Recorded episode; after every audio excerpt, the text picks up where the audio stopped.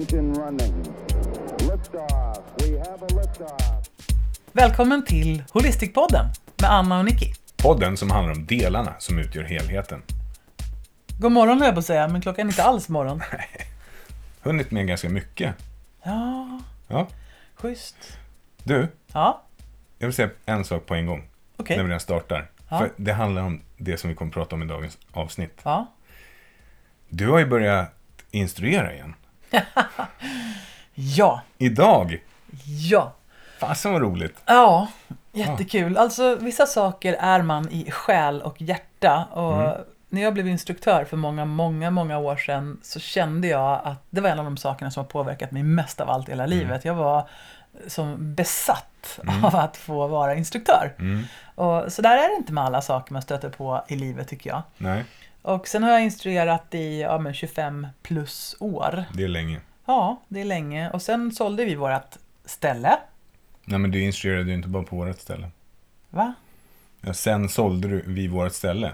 Men du Ja. har ju du har instruerat på andra ställen än bara på vårt ställe. Ja, jag. men alltså jag har ju instruerat eh, jättemycket på massor med olika ställen. Men på sistone så har jag mest varit på vårt ställe. Mm. Såklart. Mm. Och sen sålde vi det. Eh, och av naturliga skäl så kände jag att jag behövde backa ett tag. Mm. För att någonting nytt ska behöva uppstå.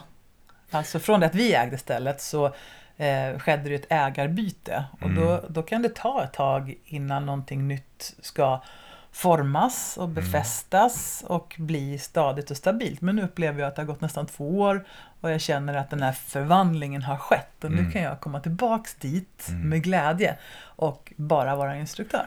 Nu säger du två år. Tänkte Ja. hur ofta det eh, antalet år kommer tillbaka när det handlar om förändringsprocesser. Mm. Det är ju spännande, för alltså det här finns ju säkert ingen vetenskaplig belägg för. Eller så finns det det. Men när vi drev vårt gym så sa vi till våra instruktörer som vi hade anställda, att, Mm. eh, som var nya, så att vänt, om två år, då kommer det kännas som att fasen, jag är instruktör på riktigt. Ja, just det. Den inlärningsprocessen, det var ju väldigt spännande. Eller är det en förändringsprocess, att vänja sig vid en förändring? Till exempel att du säger, nu har det gått två år, då börjar det kännas som att det, då är det dags liksom att, Ja, fast den förändringen var inte hos mig främst, tänker jag. nej, Den förändring jag väntade in, det var väl hos dem. Att de skulle kunna få eh, ta hand om sitt ställe och liksom eh, komma och bli varm i kläderna och känna att allting har liksom satt sig. jaha ja. Men Mm. när man ska bli instruktör från Mm. första början, då, då tänker jag så här att för vi har ju haft många instruktörer, vi har utbildat många Mm. instruktörer. Och då, eh, då har man ju sett att till en början så är det otroligt mycket att hålla koll på. Man Mm. är så här uppenbart medvetet inkompetent. Steget Sant. under är omedvetet inkompetent. Mm. Man har ingen aning om att man Mm. inte kan. Mm. Sen när man ger sig på att prova en ny sak, Mm. då blir man medvetet inkompetent. Man, Smärtsamt.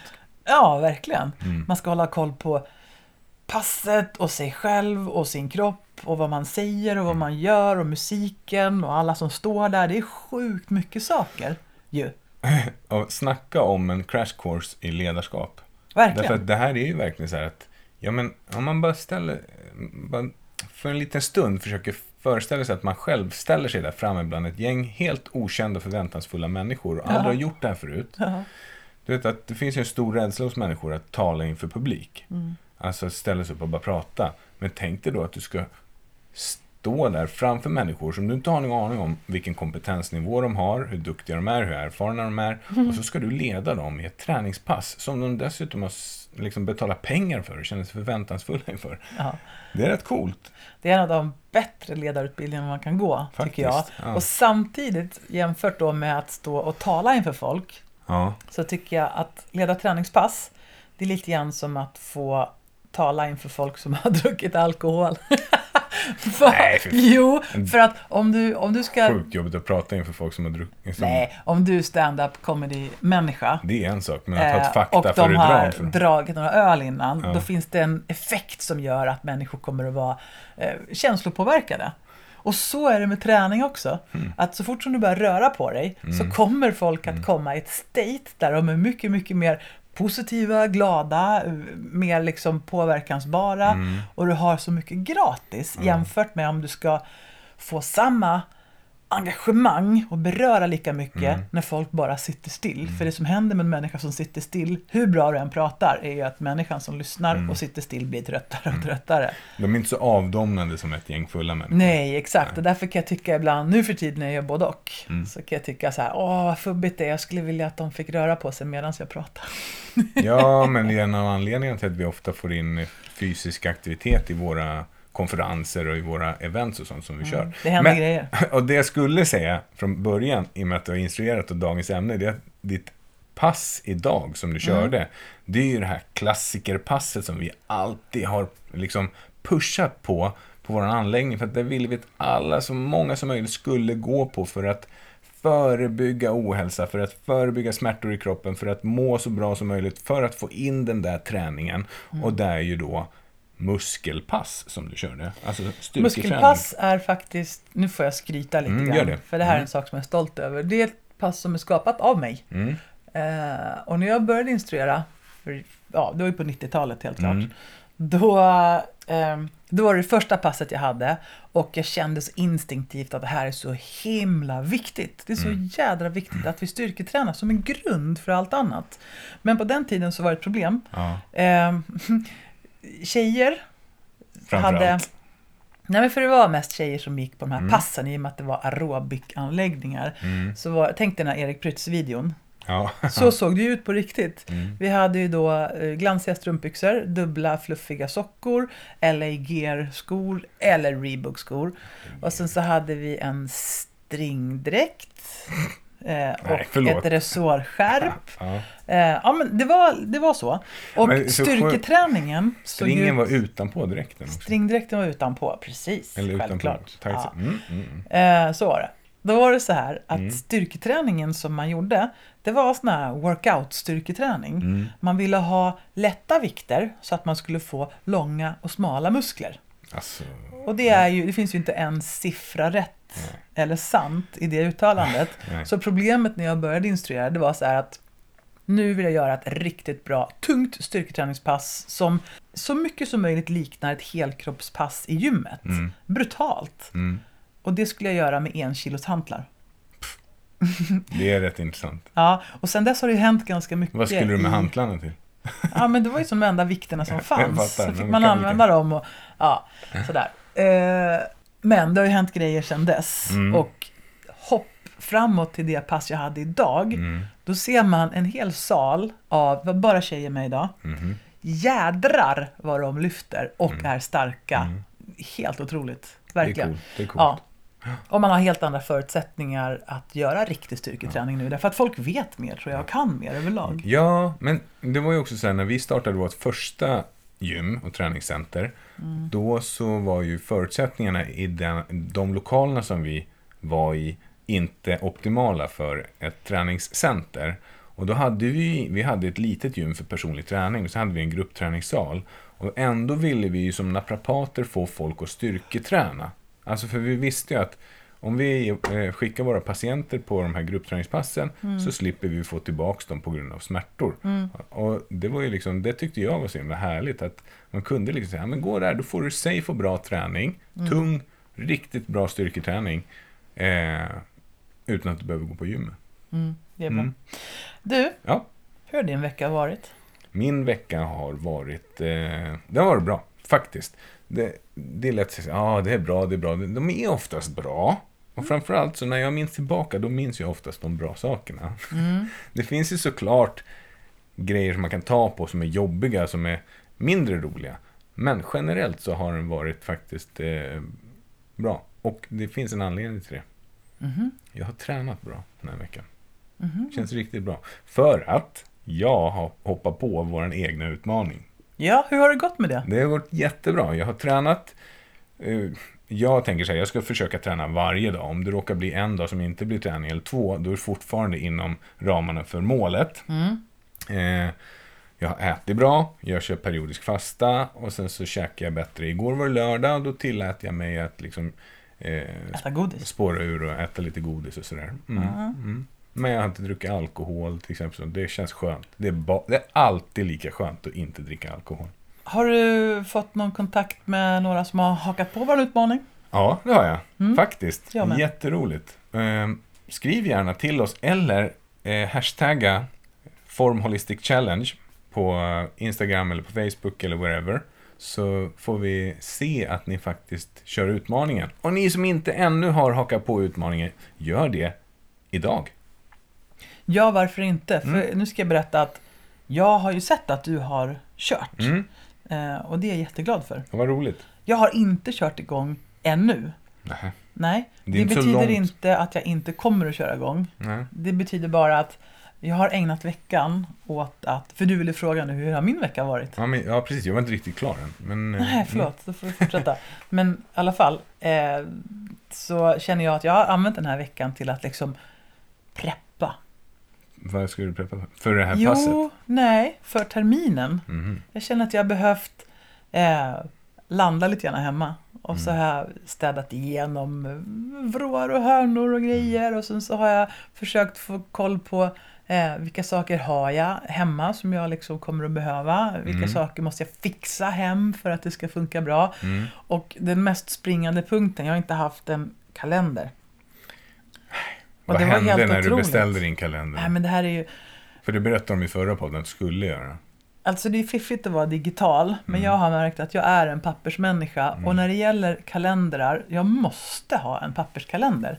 Det känns så himla bra. Okej. Och jag gillar att skriva med penna.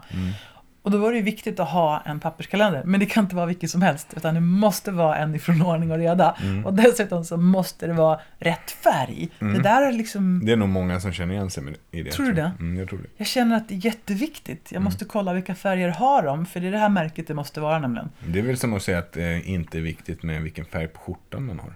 Ja, I guess. Men i alla fall så var det så här att eh, eftersom jag är synestet så är ju Mm. Tvåan i röd. Mhm. Och nollan är ju liksom, har ingen färg riktigt, Nähä. genomskinlig. Så röd hade funkat och rosa hade funkat optimalt. Mm. Och så var de slut och jag behövde en. Så tänkte jag här, jag beställer en svart i Mm. mocka. Mm. Och så kom det fram en mörkblå i läder. Och jag bara kände, det går inte. Jag kan inte. Vadå svart i mocka? Ja, Jag tyckte du sa att du skulle beställa något rosaaktigt. Nej, men, ja, men jag skulle ju det, men då var den slut. Aha. Så då tänkte jag istället så får det, det får duga med en svart, för jag behöver en nu liksom. Mhm. Ja, och då var det så himla fel. Men då hade den rosa kommit tillbaks. Så nu Ah. har jag den i min hand och nu känns allting som att nu kan jag börja. Ja, men vad För där skriver jag också ner allting. Mm. Både vad jag har tränat eh, och vad jag ska göra. Ja, men du fattar. Ordningen liksom tillrättalagd. Exakt, så Okej. nu kan jag Mm. börja. Ja, snyggt. Så jag kommer börja på måndag. Måndag, varför ska du inte börja idag?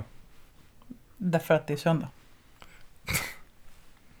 Okej, Mm. ja, ja. Ja, men den är jätterolig.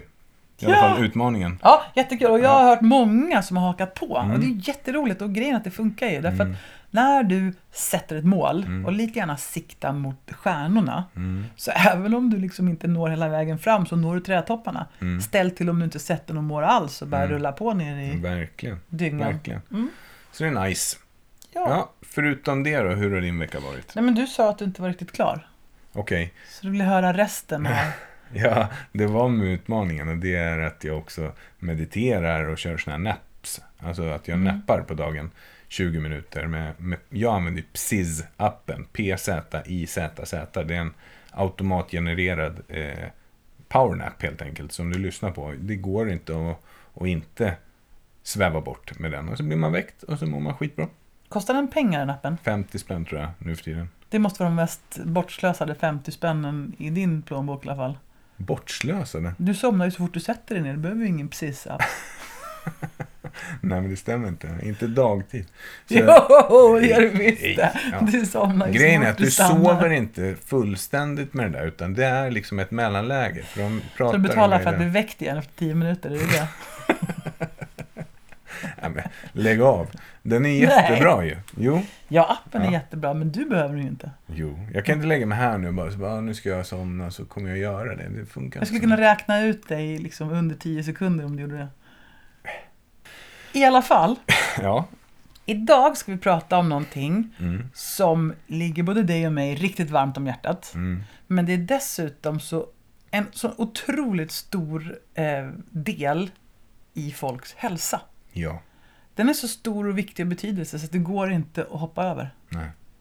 Vad är det du ska prata om? Vi ska prata om det som våran kropp mestadels består av. Förutom vatten. Jaha.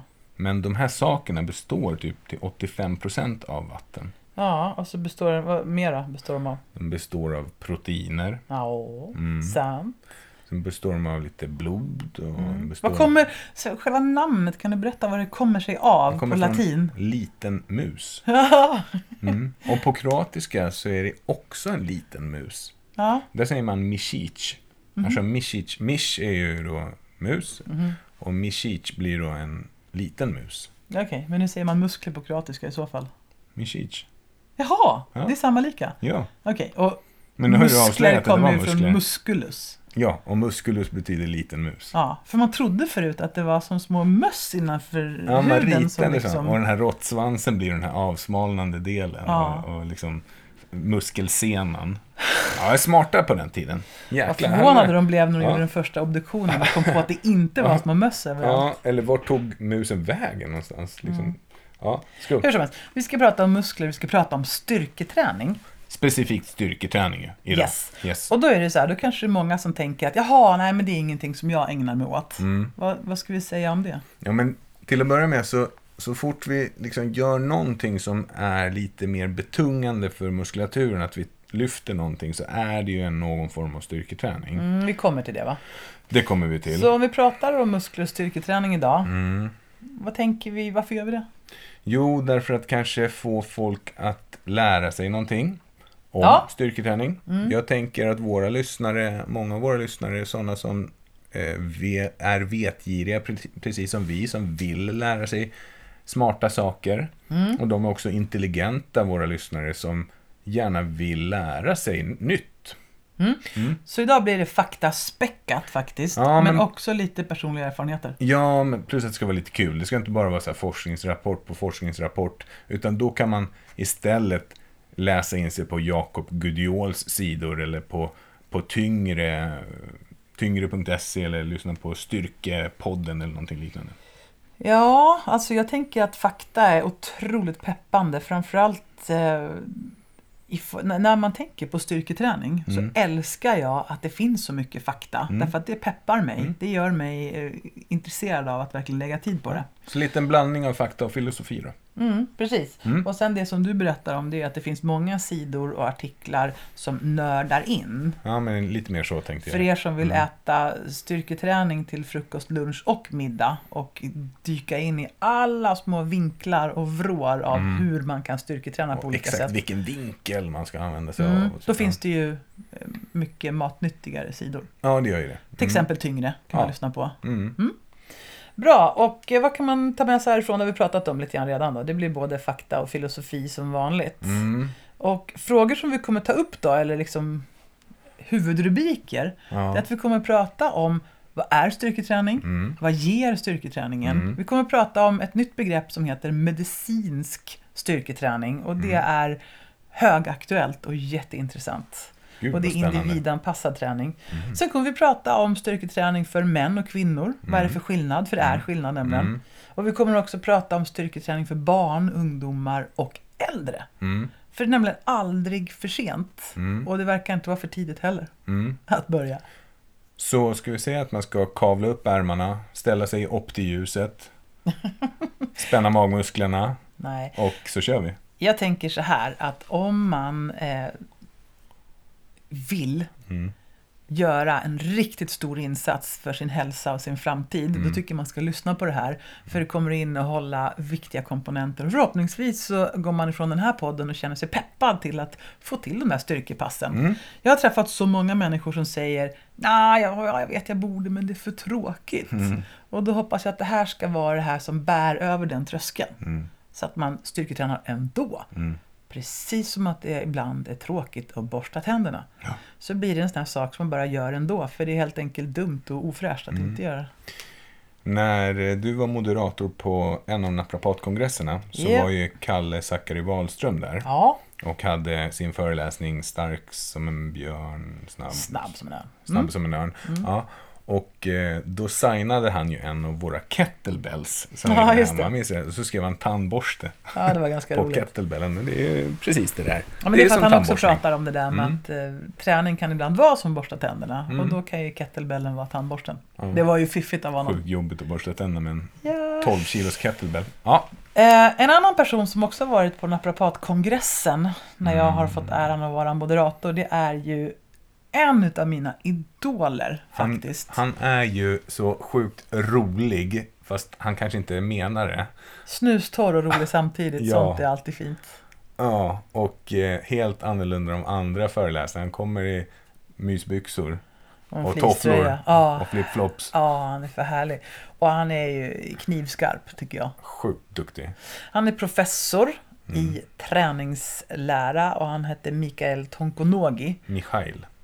Mikael säger han själv. Men, Säger han det? Ja, absolut. Jaha, okej då. Men han heter Michail. Mm, det bestämde du. Ja. Och eh, han är otroligt duktig och har forskat och har mängder av statistik och data på Mm, det här med styrketräning.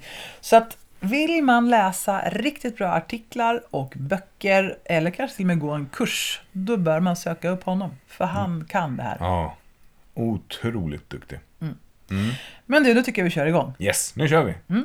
Om vi börjar i den här änden då. Vad är styrketräning och vad är det inte? Mm. Så du och jag har ju bägge två träffat på den här typen av person som säger Jo, eh, jag tränar styrketräning ibland.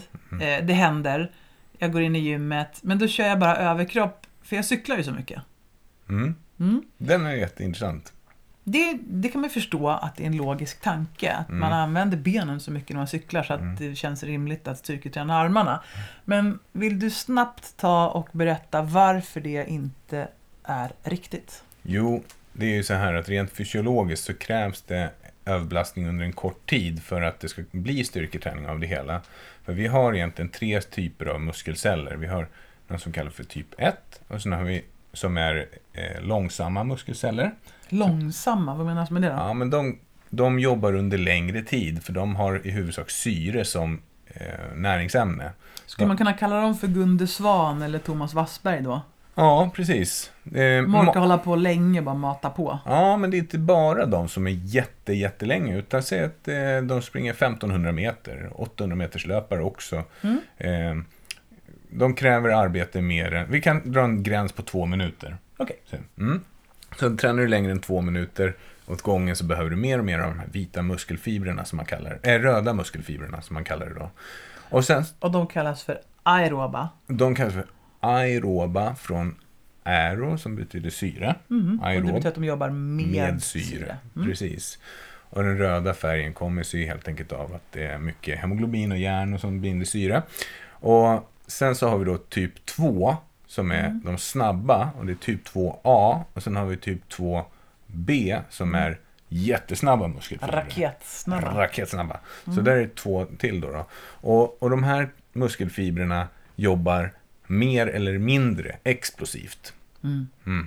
Så då är det så att om du tränar cykling eller spinning, Mm. säger vi, då spinner du runt de här benen tusentals gånger på ett pass. Många repetitioner blir det Ja, under oj. lång tid. Och det är klart, om du är helt ovan att träna och börjar köra spinning, då kommer du uppleva att du blir starkare. Men den första styrkeökningen från en ovan träningsmänniska till att bli en träningsmänniska kallas för propriosivitetsökning, det vill säga muskelsamspelet ökar, kommunikationen mellan din hjärna och muskulaturen blir bättre. Nervcellerna kopplar på, vilket gör att du blir neurologiskt starkare. Men efter en månad ungefär så blir det en platå av det där. Så du blir inte starkare utan du blir mer och mer uthållig. Men, Så från början Ja. så är inte signalerna från hjärnan till musklerna så effektiva och precisa. ja, men precis. Utan, Men under en uppbyggnadsprocess på cirka sex veckor mm, så kopplas de på. och då är det många som känner att wow vad stark jag blivit, jag har blivit dubbelt så stark. Exakt. Oj Och vad det är stark. kul. Och då, då tror jag att det rent psykologiskt blir så här. Åh vad stark jag har blivit. Och så tolkar man det som att man har styrketränat. Mm. Men det är inte så. Fast om man börjar träna i gymmet och får samma effekt då har man ju styrketränat och blivit starkare Men den Exakt. första ökningen beror oftast ändå på just den här inbaningen. Ja, och det går att kombinera det här. Och vi har en, en predisponering för vilken typ av träning vi anpassar oss lättast till till en början. Till exempel kan vi ha en större mängd av de här uthålliga muskelfibrerna naturligt från när vi föds eh, av genetiska eh, orsaker. Eller så har vi mer av de explosiva. Men det också visat sig att om vi då tränar mer explosiv träning så kan de vita, eller de eh, uthålliga muskelfibrerna övergå till mer explosiva och vice versa. Och det finns ju även eh, teorier om att man kan träna de vita till att bli då eh, att de kan övergå till den ena till den andra men att de går tillbaka till det ursprungliga läget. Och Ja. det där är lite orättvist. Mm. Därför att är du då till exempel född med en övervägande del av de här röda, uthålliga muskelfibrerna, då kommer din styrka alltid att ligga i uthållighet. Mm. Men ett ganska roligt experiment gjordes bland annat på Thomas Wassberg. Mhm. Han var ju långdistansare Mm. väldigt mycket. Det är Ehm, en skridskoåkare från eh, historien. en skidåkare. Ja, förlåt. Okej, Thomas Wassberg. ja, jag, jag tänkte på Thomas Gustafsson. ja, just Okej, det. japp. Wow. Men Thomas Wassberg, Thomas Wassberg. en historisk skidåkare. Mm. Ja, du kanske klipper bort det där sen. Mm. Men i alla fall. Eh, och då är det så här att då, då jobbar man med muskelbiopsier. Man tar alltså små prover av hans muskelmassa. Mm. Och då vet man att han har ganska mycket explosiv muskulatur. Mm. Men han har tränat sin muskulatur till att bli just uthållig. Häftigt. Och då hände det sig så att han, jag minns inte om det var sjukdom eller skada, men han blev liggandes under flera veckors tid liksom för att repa sig. Mhm. Och det som hände med hans muskelfibrer då, ja, då går de tillbaks till ursprungsform. Wow. Alltså det han var skapt för allra mest från början. Och det var att ha övervägande eh, explosiva, snabba muskler. Jobbigt måste det bli för honom att komma tillbaka till skidåkningen. Då. Ja, och då, men det gjorde han ju. Mm. Så då fick han ju liksom börja om att skola om sina muskelfibrer till. Och därför så säger man att det är lite orättvist på så sätt att du kan träna dig till att bli uthållig när du har explosiva muskler. Men det är väldigt svårt att träna dig till att bli extremt explosiv om du inte har den genetiska förutsättningen. Men vadå, så då har man ingen anledning att styrketräna då, om det är på det viset? alla har anledning att styrketräna. Men jag tänker mig att Usain Bolt till exempel har vissa fördelar redan från födseln. Jag tror att han har en del typ 2 och framförallt typ 2B. Verkligen. Ja, och jag menar, här, där ser man ju den extrema utkomsten av hur man faktiskt är skapad från början. Att man kan träna sig absolut till väldigt stor del, men när det väl ska avgöras vem som är bäst i världen, då kommer också genetiken att spela in. Och det är spännande. Mm. Ja. Grymt spännande. Ja, ehm, så att styrketräning, om vi ska sätta en definition på det. Mm. Vad, det går ju. Ja, Mm, vad ska vi säga då? Vad är styrketräning och vad är det inte?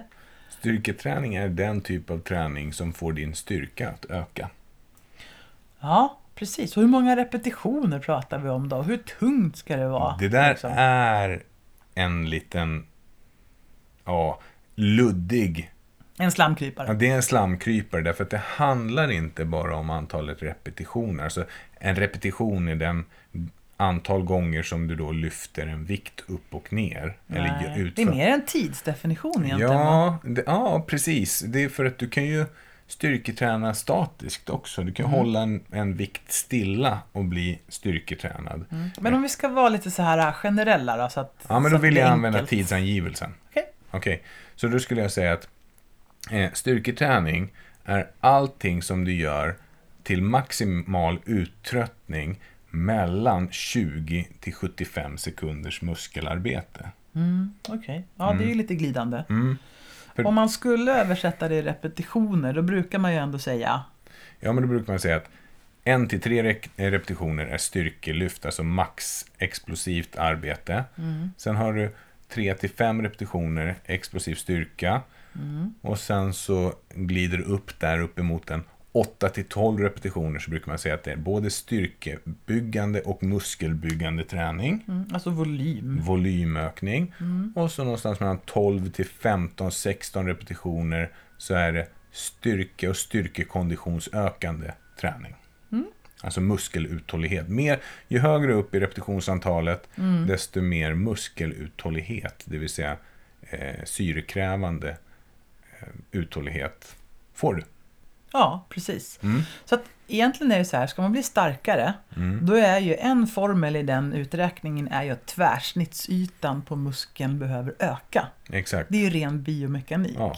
Så för att bli starkare så behöver vi också träna volymstyrka. Tänk dig att du har ett stort levainbröd som du skär av på mitten. Ju större det är inuti där, desto starkare är muskeln. Mm. Så har en liten baguette till muskeln, då är den mycket svagare än det här Har du en liten tjocka baguette? Så i alla fall så har det här levainbrödet har ju mycket större potential Mm. än den här lilla smala baguetten. Så för att vara lite extra tydlig då så är det så här att styrketräning det Mm. handlar om egentligen att skicka en signal till kroppen om att det är kris, det är Mm. kaos, Mm. jag räcker inte till. Det här är för tungt, det är för jobbigt. Ja, det är Mm. för... Egentligen så är det så att hjärnan och kroppen behöver få en nödsignal från muskulaturen om att hot om att gå sönder. Mm. Först då kommer kroppen att satsa på en energikrävande process av att skapa en större muskelmassa. Mm. Nu för tiden är det inte här något problem. Vi har ju massor med tillgång på energi och föda och Mm. protein och allt det där. Men förr i tiden så var det så här att bygga volym, Mm. det var ju en lyx. Och det gjorde man bara om det verkligen behövdes. Mm. Så att så länge som du skickar en signal till din kropp om att jag måste vara så här stark annars går mina muskler sönder. Mm. Då kommer musklerna att växa och vara starka. Mm. Och i samma sekund som du slutar belasta musklerna, Mm. då kommer de att krympa. Därför att stora muskler kostar mer energi. I samma sekund som du slutar. Ta, ta lite näve salt på det. Ja. Men i samma stund då, då Ja. samma vecka som Ja. du slutar Ja, styrketräna, okej. Mm. så kommer ju musklerna att återbildas. Därför att behålla dyra muskler då, muskler som kostar mycket energi, det är ingenting som kroppen kommer att göra. Nej, Utan den kommer bara behålla den muskelmassa som den märker att du behöver. just det. Så att om du inte belastar din kropp, Mm. då har kroppen ingen orsak att ha en massa muskler i onödan. Nej. Så då kommer muskelmassan att minska. Och med det så minskar också din förbränning. Såklart. Det. Bra. finns ett direkt samband mellan muskler och hur mycket energi de kostar. Kan du specificera det där lite mer? För det här tror jag är ganska intressant för väldigt många lyssnare. För de manliga och de kvinnliga lyssnarna. Mm. Därför att eh, det, det ligger någonting väldigt fundamentalt i det som du sa nyss. Vadå? Jo, jo det, att hur, hur ska man, om man pratar om förbränning, om man vill fettsmälta, om Mm. Ja, man vill det. Mm. förbränna fett på kroppen, då är det ju så här att då vill man ju aktivera det som man kan kalla för vår inre förbränningsmekanism. Det vill säga, hur kan vi påverka vår ämnesomsättning av det här underhudsfettet som vi så gärna vill förbränna bort? Mm. Då finns det många som påstår att våran kropp Mm. vill gärna ha ett ekvilibrium, alltså någon sorts status quo-situation. Den Mm. den vill hålla saker, för det är enklast så nämligen. Den, Energibalans. ja, den vill Mm. rimligtvis inte bli mindre eller gå ner i vikt. Nej. Ehm, så att, och, och kroppen vill ju vara energisnål. Mm. Därför att det är det evolutionen har lärt oss. Mm. Att vi ska inte göra av med energi i onödan. Utan Nej. tvärtom så är det bra att vi är energisnåla. Ehm, fett Mm. Kostar ju ingenting att lagra. Nej. Det går jättebra för kroppen att lagra in i våra fettdepåer och sen ligger de där Mm. och bara finns. Mm. Och för kroppen så är det ju jättebra att ha fettdepåer till viss del. Mm. Inte när det blir för mycket, därför att då belastar det vårt system. Eh, skelettet kostar inte särskilt mycket energi. Det finns där och det är depåer för en massa viktiga saker, blodbildning och sådana saker. Mm.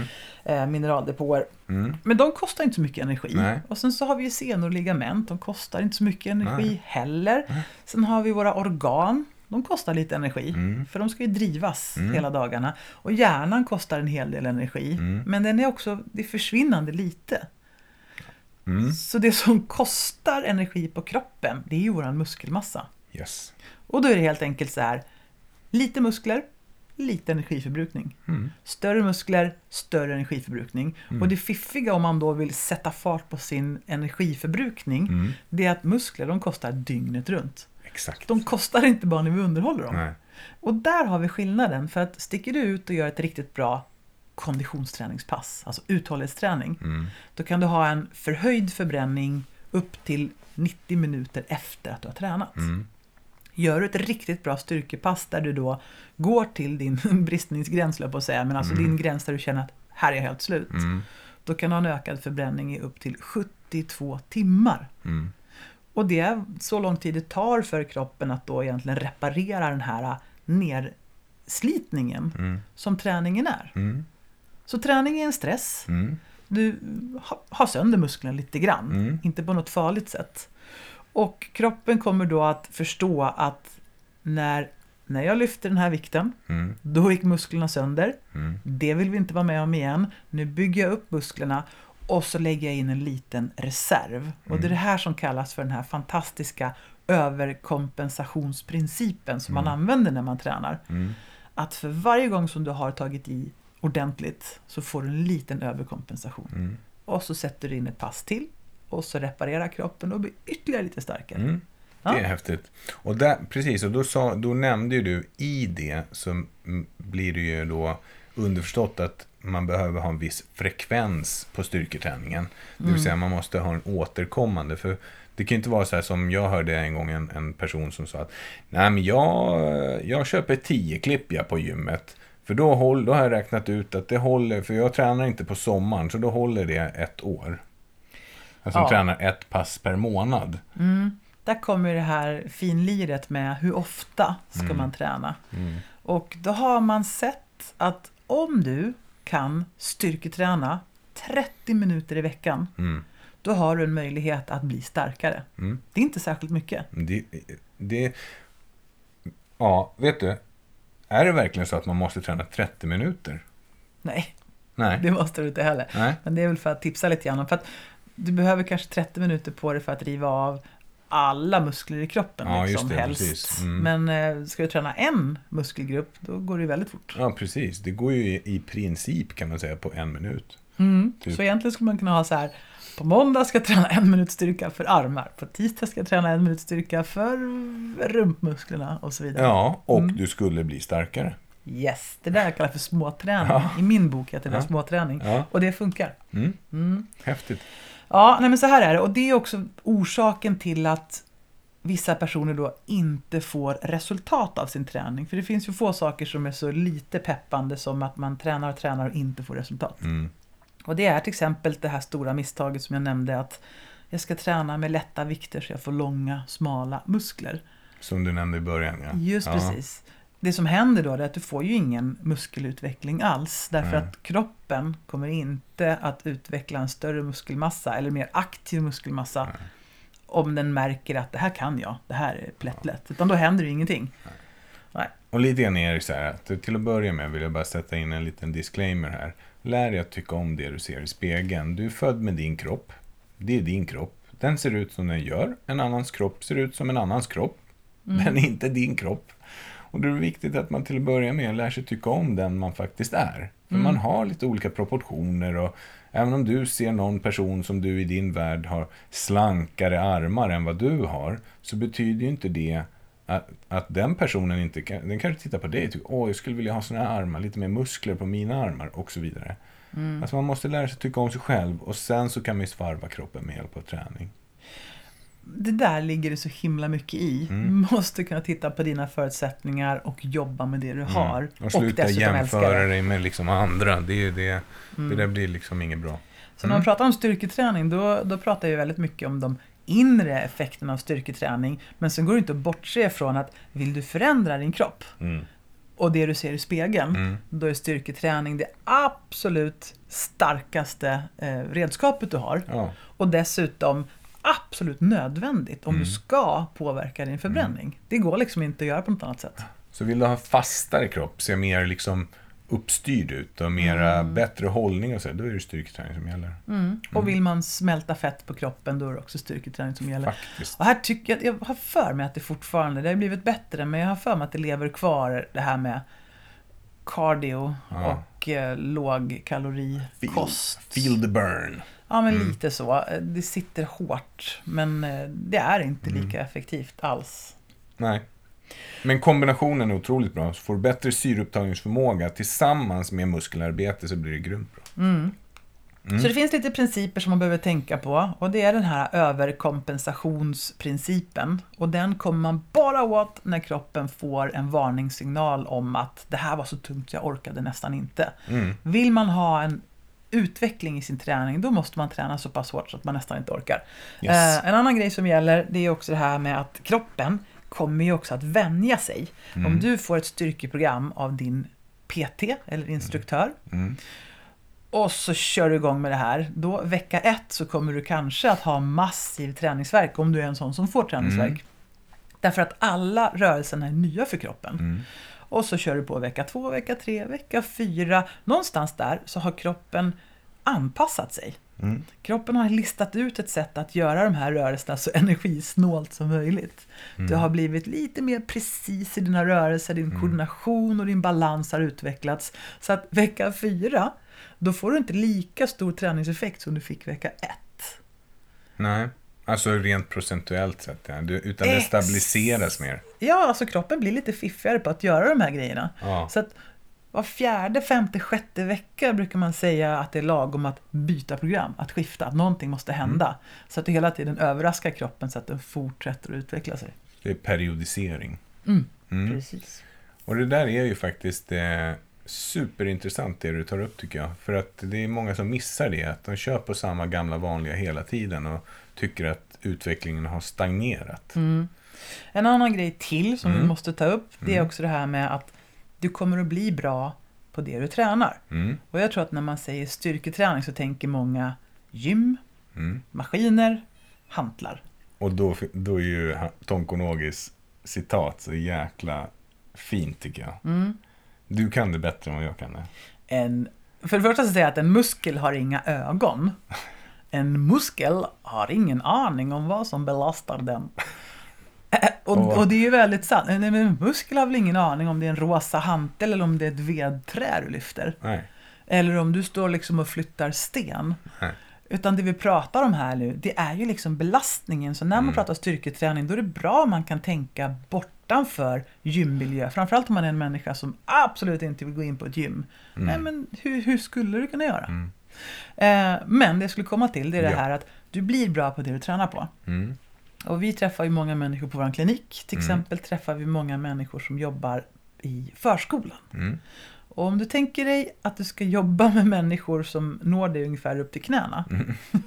Då fattar du också att du kommer lägga en stor del av din arbetsdag Mm. med att gå framåtböjd. Mm. Du kommer hela tiden att ha en statisk belastning i baksidan av kroppen.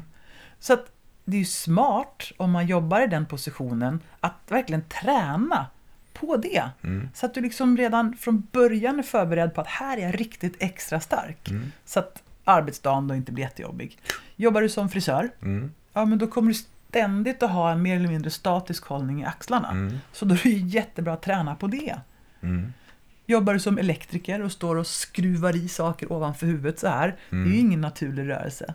Nej. Då behöver du ju träna på att vara väldigt, väldigt stark i rörelser som har med jobb ovanför huvudet att göra. Just det. Så att Ja. tänka till lite grann. Är man eh, stavhoppare, Ja. ja, då ska man ju träna väldigt, väldigt specifikt för det. Att kunna trycka kroppen uppåt Mm. mot gravitationen. Ornitologer. Om du jobbar som ornitolog, fågelskådare. Då ska du träna statisk i kikarhållarträning. Hur tränar man ögonmusklerna? Ja, precis. Ja, Gud vad roligt. det får du tänka på, naprapaten. Vad finns det mer för jobb som är helt knäppa? Det är väl ornitolog kanske inte ett jobb, eller? Det tror jag. Wow. Klart det finns folk som räknar fåglar. Det är väl jätteviktigt att veta hur många vi har kvar. Vad de gör. Fan, jag har fått orn- ornitolognacke. Ja. Gam. Du,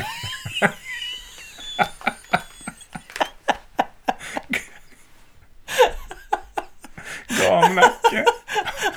Jag har fått gamnacke. Vad jobbar du med? Jag är ornitolog.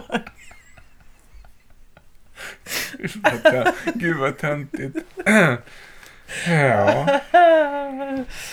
Okej. Det var säkert bara vi som tyckte det var kul. ja. Okej, Så att... eh, satt. Jag älskar det här med styrketräning så det är lätt att gå igång ordentligt på det. Mm, Ehm, och du ville prata mer om förbränning, just, just. för det älskar ju du. Mm.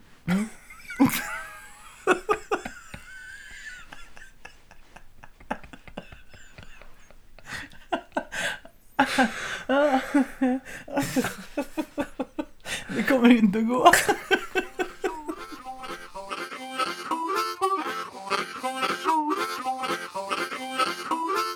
Tio bra anledningar att börja styrketräna. Du får inte bara starkare muskler av att lyfta vikter.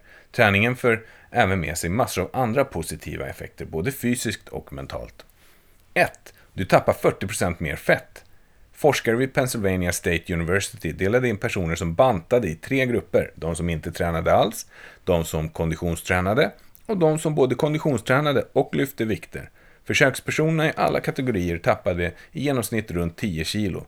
Men av den minskade vikten bestod 3 kilo mer av fett hos de som styrketränade än hos människorna i de andra grupperna.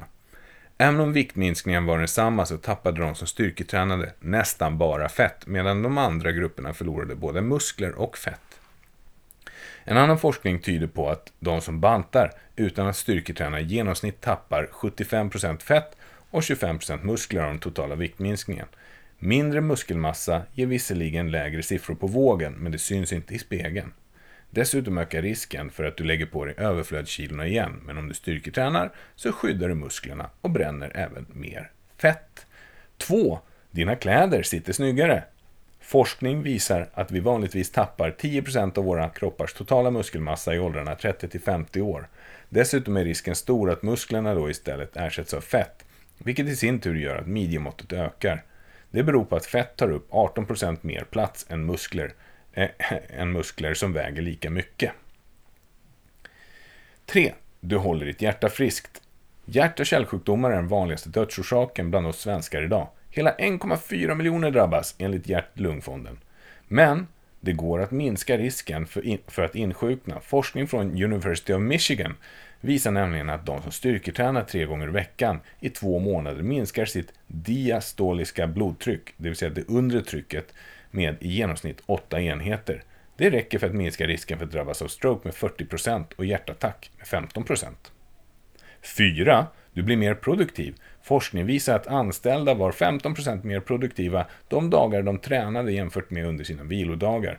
Det innebär att du på de fysiskt aktiva dagarna på 8 timmar kan hinna med arbete som annars skulle ha tagit 9 timmar och 12 minuter att slutföra. 5. Din hjärna fungerar bättre. Det är inte bara musklerna som stärks av styrketräning, utan även hjärnan. Brasiliansk forskning visar att ett halvårs styrketräning höjde försökspersonernas kognitiva funktioner.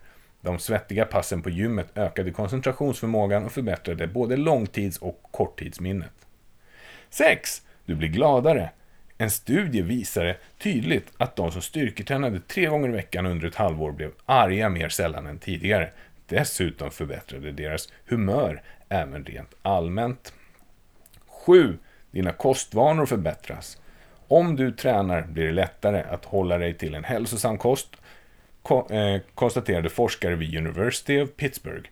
De studerade 169 överviktiga amerikaner och det visade sig att de som inte tränade minst tre gånger i veckan åt mer än de 1500 kalorier som de skulle hålla sig till. Dessutom hände det oftare att de som istället slarvade med kosten även vid fler tillfällen hoppade över träningspassen. Enligt forskarna är det alltså viktigt att både tänka på kosten och träningen för att lyckas hålla sig till sunda vanor. 8.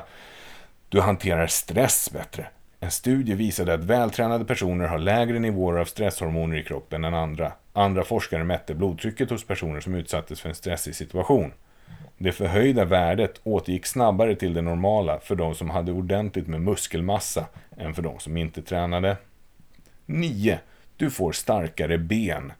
När du åldras minskar även din benmassa. Det ökar bland annat risken för benbrott. Den goda nyheten är att en studie visade att 16 veckors styrketräning ökade benmassan. Dessutom höjdes nivåerna av proteinet osteokalcin som behövs för bentillväxten i blodet med 19%. Och slutligen nummer 10. Du kommer snabbare i form.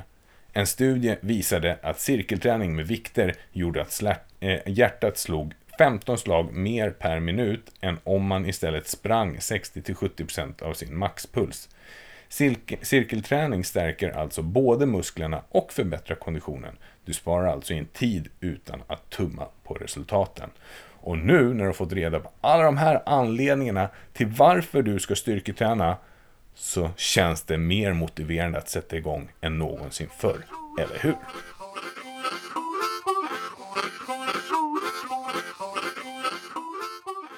Så det vi egentligen vill komma fram till Ja. var ju det här att vi har lite olika behov i våra liv.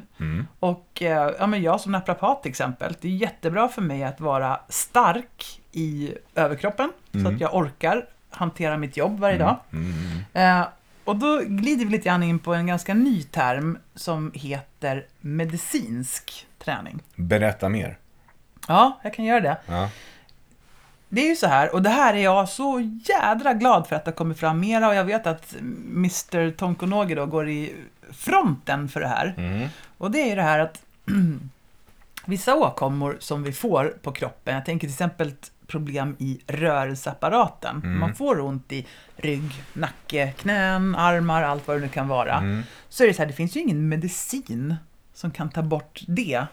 Och framförallt inte som kan rätta till det. Jag menar, du kan äta smärtstillande, absolut, men det hjälper ju till viss del. Mm. Däremot har man sett att styrketräning, och det har ju vi sett tydligare än någonsin, styrketräning hjälper ju. Jag kan berätta en personlig historia sen. Ja. Ehm, så att medicinsk träning, det är att du hos din läkare, eh, som förhoppningsvis då samarbetar med medicinska tränare, Mm. kan få ett recept på vilken träning behöver du för att komma till rätta med de problem du har i kroppen. Och det här är ju äntligen så att man använder kroppens naturliga läkande och uppbyggande processer. Det vill säga, du kommer inte få några negativa bieffekter av den här medicinen. Det låter ju som sjukgymnastik. Ja, fast jag skulle vilja säga att det kanske är eh, eh, inte exakt sjukgymnastik. Nej? Ehm, för här pratar vi också om då skador och problem i rörelseapparaten. Det har ju vi sett. Har du ont i ryggen och axlarna och nacken, då är det ju så här att kommer du igång med regelbunden styrketräning, då försvinner de här problemen. Eh, det finns starka kopplingar mellan knähälsa och styrka i lårmuskulaturen och framförallt framsida lår har man sett är så otroligt viktigt för att knäna ska funka bra. Har du småskavanker i knäna så kan du göra dem mycket, mycket, mycket bättre genom att styrketräna och cykla till exempel. Och där stillhet är absolut det värsta du kan göra. Mm. Det är lite nytt, det är inte alla som vet. Nej? Men sen är det också skador som eh, hjärt-kärlproblematik. Okej. Där behöver du ju träna. Det finns få saker som är så effektiva som att träna. Men pratar vi Eh. om styrketräning där också då?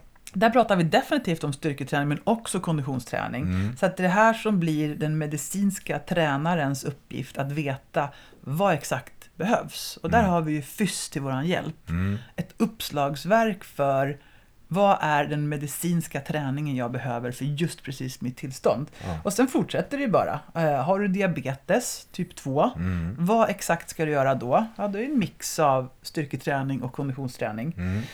Depressioner, stressproblematik, eh, intima problem kan också påverkas av hur du tränar och var du tränar. Mhm. Så det här är ju så otroligt intressant att få träning på recept.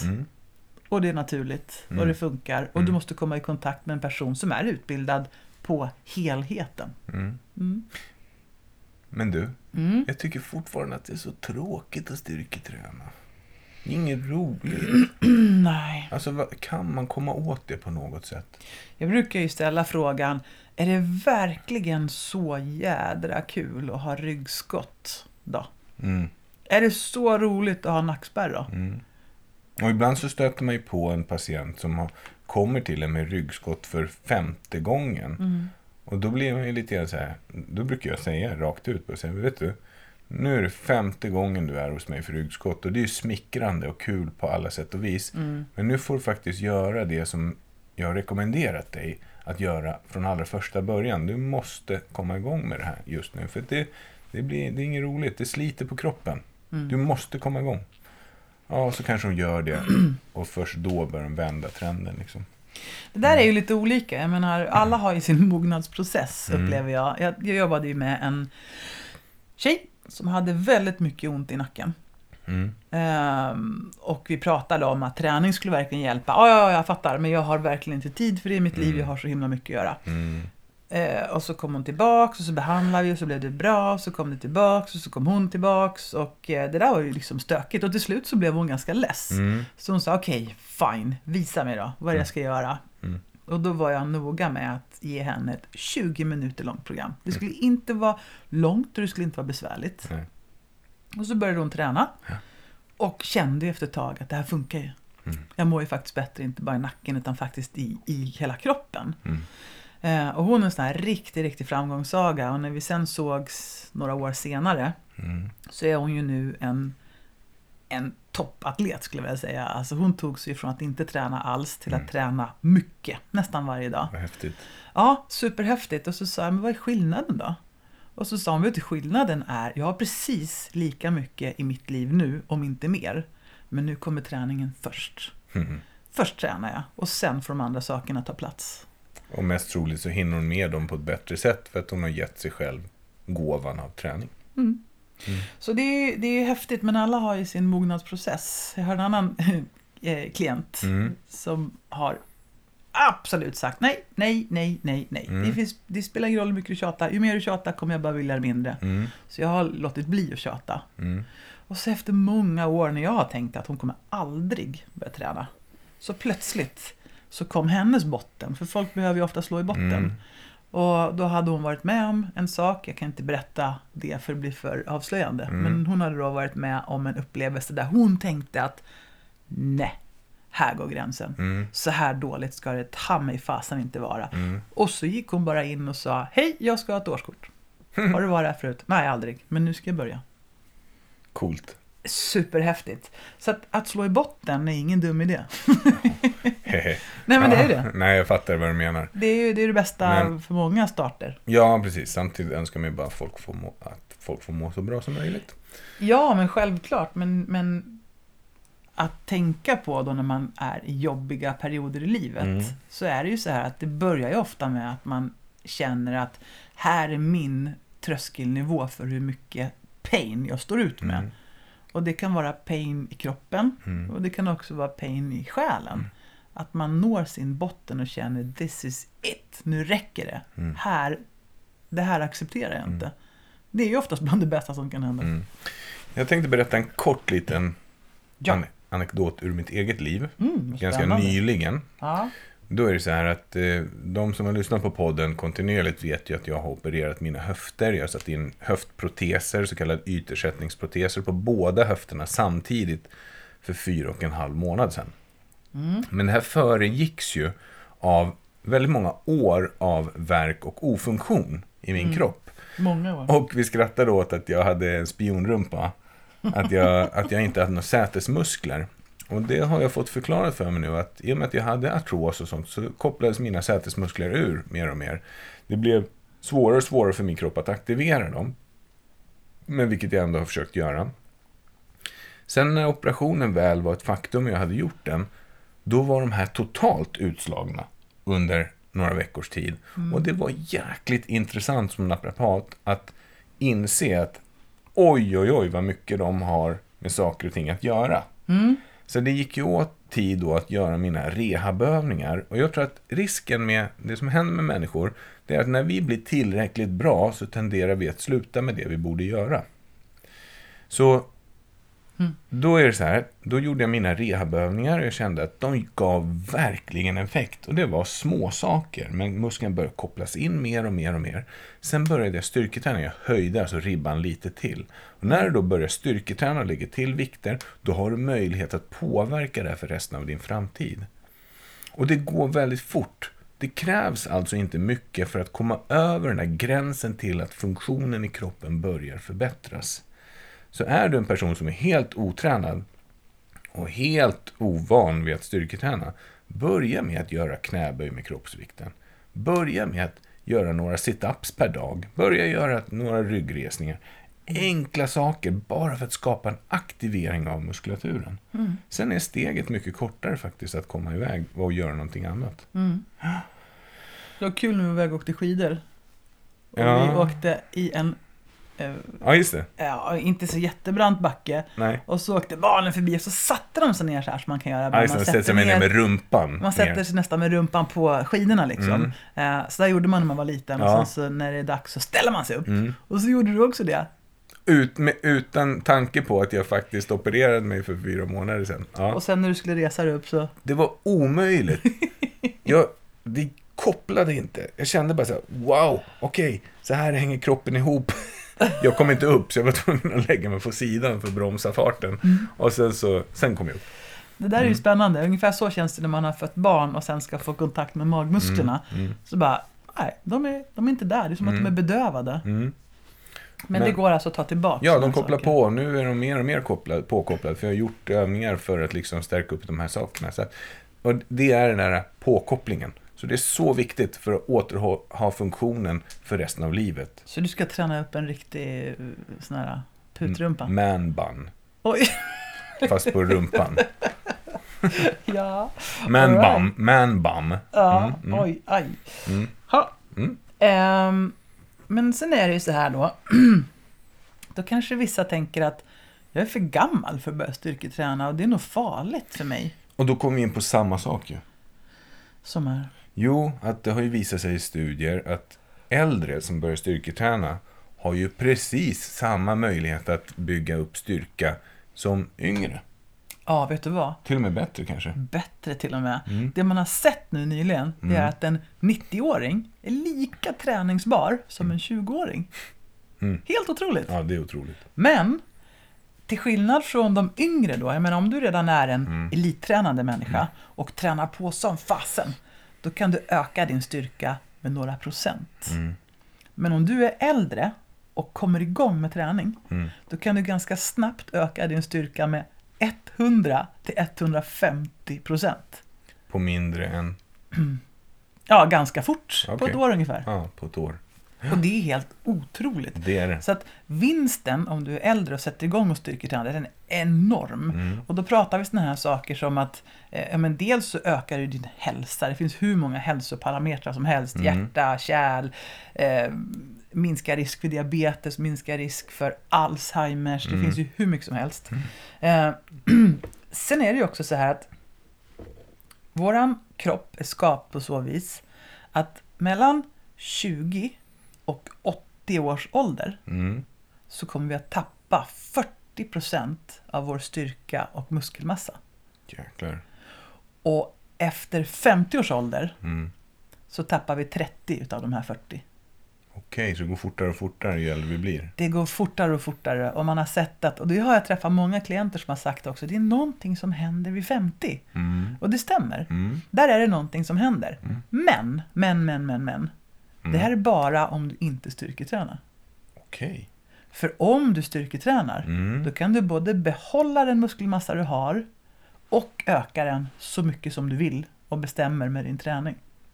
Så du kan behålla muskelmassan Mm. eller till och med öka den om du styrketränar. Jajamän. Så det, det du mm, säger är att för de som inte styrketränar Mm. så är det där giltigt. Just precis. Så det här enorma tappet som sker genom livet, Mm.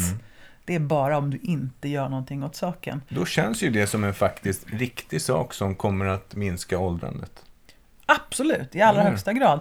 Och problemet är så här att man tappar inte bara styrka, utan man tappar också den här snabbheten som du pratade om tidigare. Spänst och... Just precis, explosivitet. Mm. Exakt. Och, och det här kan ju vara lite tråkigt att prata om, men när man blir äldre så behöver man kunna falla.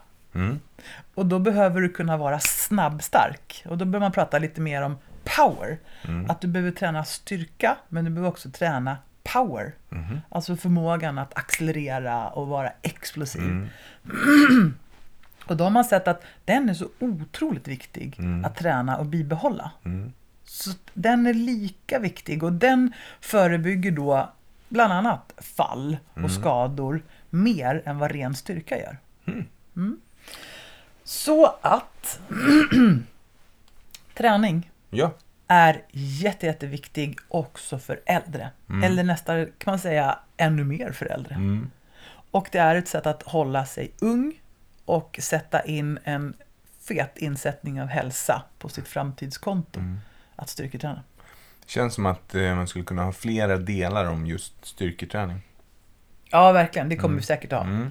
Men då kanske du kanske också känner igen föräldrar. Föräldrar är ju fantastiska människor. För jädra vad de lägger mycket tid och energi och tankekraft på att göra det bästa de kan för sina barn.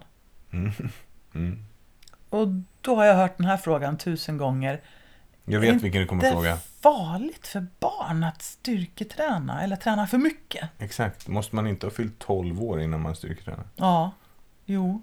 Vid Nej. 12 års ålder då slår switchen på inuti alla kroppar. Pling! Nu kan du styrketräna. Ja. Ja, nej. ja men jag tror att... Eh, ja. Nej. Utan det är ju så här att barn behöver också styrketräna.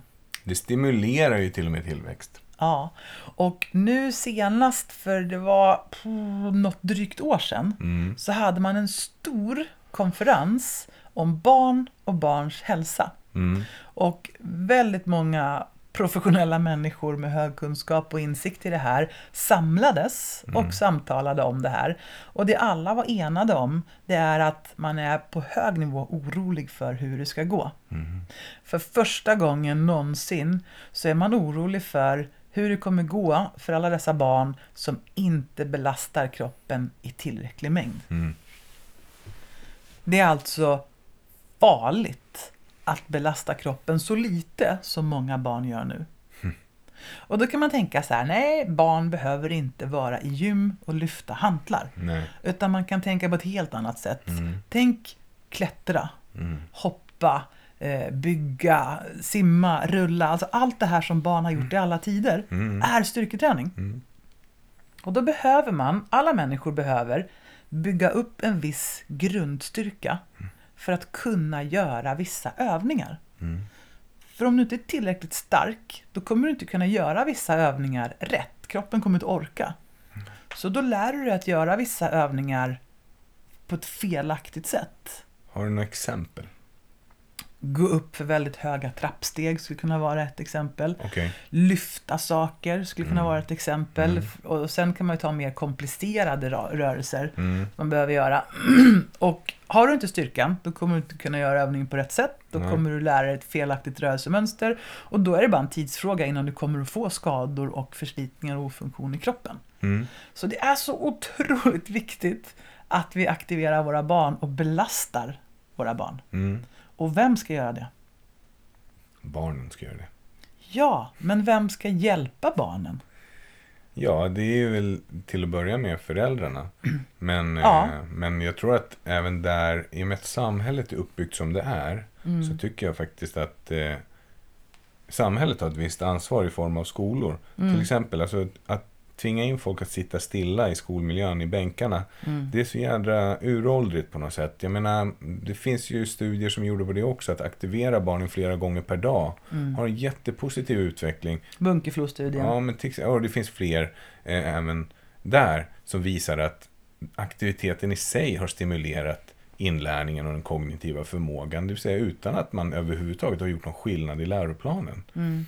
Och om man tittar på skolan nu då, då har ju många dragit ner. Mm, Så man har en idrottstimme mm, i eh, veckan. mm, Och om vi bara går till eh, två av våra barn just nu då. Ja. Då är dessutom betygssystemet upplagt så här. att om du är ganska duktig och tycker det är roligt att röra på sig och ha idrott. mm, Då är det så här att om du inte tycker det är kul eller fixar just orientering. mm. Då blir det omöjligt för dig att få ett bra betyg i idrott och gymnastik. Hur duktig du än är på alla andra grenar. Och Så det- kommer orienteringsinsikten att dra ner allt. Mm. Så du kan vara en jätteduktig person som gillar att röra på dig och går in för det.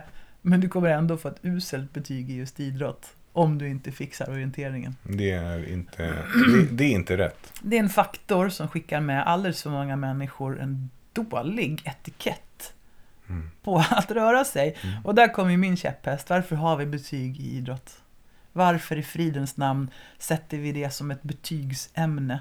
När det enda det handlar om det är att på individbasis försöka nå så många ungdomar som möjligt och stimulera dem till rörelse på deras nivå. För att få dem att må bra. Alla kommer inte älska att hoppa över plinten eller orientera och det är inte ens viktigt. Nej.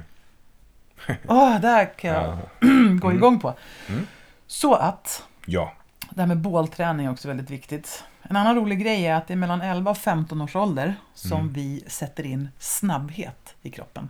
Oj, Ja, det hade jag ingen aning om. nej, inte jag heller faktiskt fram tills ganska nyligen. Mhm. Så att den snabbhet som du vill utveckla, Ja, den bör du sätta in någonstans där i tidiga tonåren. okej. Efter det har vi bara en enda möjlighet att bli snabbare och det är att bli starkare. Huh. Ja. Huh. Så det, det är så viktigt att våra barn får röra på sig och belasta sitt system. Mm. Och bland det viktigaste vi kan lära barnen då, det är liksom att få en stark bål. Mm. Bålträning. Eh, och skolan gör det som bekant inte. Nej. Och eventuella idrottsföreningar och sånt gör det ju definitivt, men det når ju inte alla. Det når ju bara vissa. Ska bara poängtera att det är generaliseringar vi pratar om nu. Det är klart det finns enskilda fall där det inte är som vi säger. Vad menar du då? Nej, men vissa skolor satsar ju såklart lite mer än andra och så vidare.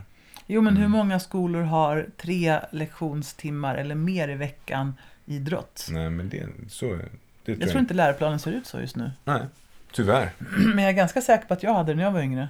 Mm. Ja, men jag, och dessutom valde jag ju till extra idrott och den här som hette eh, fria aktiviteter eller vad det var. Mm. FA-timmar och då var jag alltid i idrottshallen.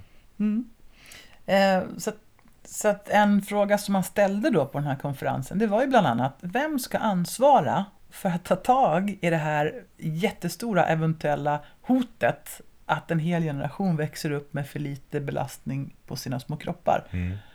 Därför att det som händer om du inte belastar kroppen ordentligt är att den inte kommer att hålla sen. Det Mm. kommer inte att funka för dig. Mm. Och då ser man att skolan gör det inte, idrottsföreningarna gör det men all, det når inte alla. Alla föräldrar har inte möjligheten att ge sina barn det här. Eller kompetensen. Ja, men eller insikten eller Ja. vad som helst. Mm. Så att det är en stor springande punkt. Mm. Och har man då möjlighet att aktivera sina barn eller andra barn, har man möjlighet att gå med som hjälptränare eller eh, utbilda sig till sån här friluftsguide eller vad det nu kan vara, Mm. gör det. Mm. Och min käpphäst, det är ju Mhm. den här att vad i helvete håller politikerna på med? Jag menar, man vet att man kan förebygga ohälsa. Mm. Man vet att man kan förebygga massor med kostnader som är, har, är relaterade till rörelseapparaten. Men man gör det inte. Det, kompetensen finns, men man gör det för komplicerat och så fokuserar man på sjukvård istället för friskvård. Ja, när det där det- går för långt ja. Ja, och då, det, jag blir så tokig på det där. För att friskvård, de insatser man skulle kunna göra, de är så jäkla billiga. Mm. Så att den kostnad som det kostar att ta hand om folk som redan är sjuka, Mm. det skulle bara... Alltså Ja. det skulle göra en sån enorm skillnad. Ja, men jag ser en framtid där man måste, man tänker sig då att de här medicinska tränarna Mm. utbildas i parti och minut. Därför att vi kommer inte ha råd att ta hand om alla som blir livsstilssjuka. Nej. Utan vi måste börja förebygga, förebyggande friskvård. Mm. Och då fattar jag inte heller egentligen varför man inte sätter in det här redan på skolnivå. Jag vet att det finns till viss del, Mm. men ännu mer. Jag menar, att ta hand om sin egen personliga hälsa på fysisk och psykisk nivå Mm. och skaffa sig en bra vana av att röra sig, det gör man inte för att prestera, utan för att må bra. Mm. Det borde vara så grundläggande, tycker jag. Hör till personlig hygien. Ja, och det behöver väl alla lära sig mer än vilket årtal Gustav Vasa föddes och dog, egentligen. Mm. Det borde Hur tränade Gustav Vasa egentligen? det, är det, det är det man vill ha. Hur han tränade, ja. ja. men han åkte ju skidor. Ja, Det precis. vet vi ju. Ja, ja, Ja. det vet vi. Ja. Hur tränade han för att kunna göra Han härjade Vasaloppet? runt uppe i Dalarna, verkligen. Mm. Mm. Du, Mm. ska vi säga att det här var del ett? Jag tycker det. Det här var del ett. Ja. Det här var ett passionerat prat om styrketräning Ja. och hur otroligt viktigt det är. Att det är egentligen inte ett val, utan alla behöver det. Mm. Barn, Styrketränar du? oh ja, oh ja, Hur absolut. ofta tränar du styrketräning? Två till tre gånger i veckan. Mm. Och jag försöker träna varannan dag. Mm. Styrketräning. Varannan dag kondition, varannan dag styrka. Och det får gärna bli mer. Fyra till fem gånger i veckan eh, märker jag att jag mår jättebra av att styrketräna. Jag har ju en rygg som är lite speciell. Mm. Jag har haft ont i ryggen sedan jag var tonåring. Och det jag har märkt som verkligen funkar, det är just att styrketräna regelbundet. Jag vet vilka rörelser som funkar och vilka som jag inte ska göra. Eh, I kombination med yoga. Mm. Den kombinationen håller min rygg besvärsfri. Och skulle det gå åt skogen, då går jag till dig. Mm. Och så får jag akupunktur med ström. Och då hjälper det. Triggerpunktsbehandling egentligen kan man säga. Så att det, ja, men det är samma för mig. Jag, eh, min rygg mår väldigt bra av styrketräning och den mår väldigt dåligt av stillasittande. Ja, det är inget bra. Inget Jag får bra alls. verkligen ont av att sitta still. Så, så vi sa att vi skulle prata om styrketräning och att vi ville få in en del fakta. Ja, Och att vi fick till det. absolut. Jättemycket fakta. Du som är en riktig nörd då, Mm. hade du fått ut någonting av det här programmet? Ja, jag tror det. Alltså, jag, jag gill, alltså, den nördiga sidan av mig gillar ju också att bara lyssna om och om igen på saker och ting. Mm. Och även om det är repetition, många saker, så, så blir det ändå så här att nej men, det är trevligt att ha och lyssna på för att det liksom fyller på minnesbanken av det som man redan vet. Repetition is the mother of all skills. Exakt. Mm. Och sen så tycker jag att jag lärde mig faktiskt lite saker av dig. Eftersom vi för, inför varje avsnitt så gör ju vi research. Mhm. Och eh, när du researchat på några saker och då kände jag så här, ah, fick jag veta lite mer saker. För er som känner så här att jag vill veta mer om det här, då kan jag tipsa om att gå in på SISU, Idrottsböckers eh, sida, Mm. och titta. Och där finns det också böcker av Mikael Tonkonogi. Mm. Och de kan jag verkligen varmt rekommendera. Sen finns det mycket bra på YouTube av honom. För han är så fantastiskt bra på att lyssna på. Eh, och det finns även artiklar och sånt att hitta på nätet. Så SISU idrottsböcker har massor av utbildning och inspiration och träningsprogram och här saker. Har de träningsprogram mot gamnacke? Tror du det? Det borde de ha. Ja, okej. ja. Ja, har du gamnacke? Nej. Ett eh, delmål till de som lyssnar som känner att jag har bestämt mig. Jag ska också styrketräna, ska det är väl styrketräna. självklart. Ja. Det, det tycker jag, ett delmål, det är att eh, göra armhävningar och knäböj. Vad bra faktiskt. Ja. Ja, varför inte? För att köra armhävningar, då kommer du aktivera bålen. Mm. Och kör du knäböj, bara ställ dig, stä, stå rakt upp och ner, böj på knäna, kom ner så djupt som möjligt med rumpan med så rak rygg som möjligt. Och så gör du upp och ner, upp och ner, upp och ner, upp och ner tills du blir trött. Då kommer du aktivera din främre och bakre muskelkedja. Aktiverat ryggen lite grann, lite, lite, lite. Och då har du tränat ganska stora delar av kroppen. Kör armhävningar tills du blir trött, kör knäböj tills du blir trött. Vet du vad roligt, nu kommer jag att tänka på när jag var liten. Mm. Så här 70-tals fint. Mhm. Min pappa hade ett rött pappersark som han hade tejpat upp bredvid sin sänglampa. Mhm. Och där stod det då datum och sen så stod det hur många armhävningar han gjorde. Det där är skitsmart. Det är så häftigt och det är också så här den tidens träning. Då varje dag liksom så gjorde han minst 20 armhävningar. Mm. Och ibland så fick jag hänga på hans rygg när han gjorde armhävningarna och det Mm. var ju jätteroligt. Mm. Och så likaså stack han och fjällvandrade uppe i Abisko Mm. varje Mm. påsk. Och för att träna till det här då så gick han upp och ner i trappan. Och då fick jag hänga på hans rygg.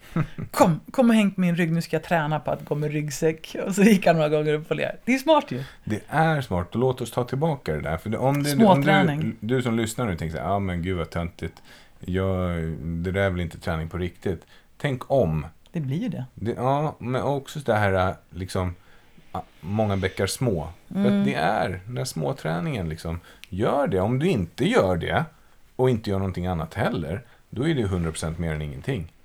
Och det är också det här med att gå och handla och bära hem en kasse till exempel. Ja. Det är ju en naturlig del av styrketräning i livet som de flesta missar. Stäng på en ryggsäck, gå till ICA. Ja, Köp all mjölk och allting tungt, stoppa den i ryggsäcken och gå hem. Det är klart det blir styrketräning på ett eller annat vis. det var ju precis därför jag köpte den här stora ryggan som jag har. Mm. För den rymmer en ganska stor handling faktiskt. Och det, det är perfekt träningstillfälle. Mm.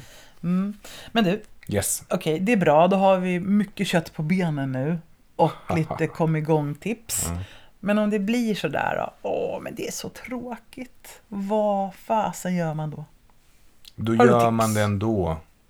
Man gör det bara. Men så här helt ärligt, ja, det är verkligen så. Kom igen nu, du som sitter där och tvekar. Jag pratar till dig.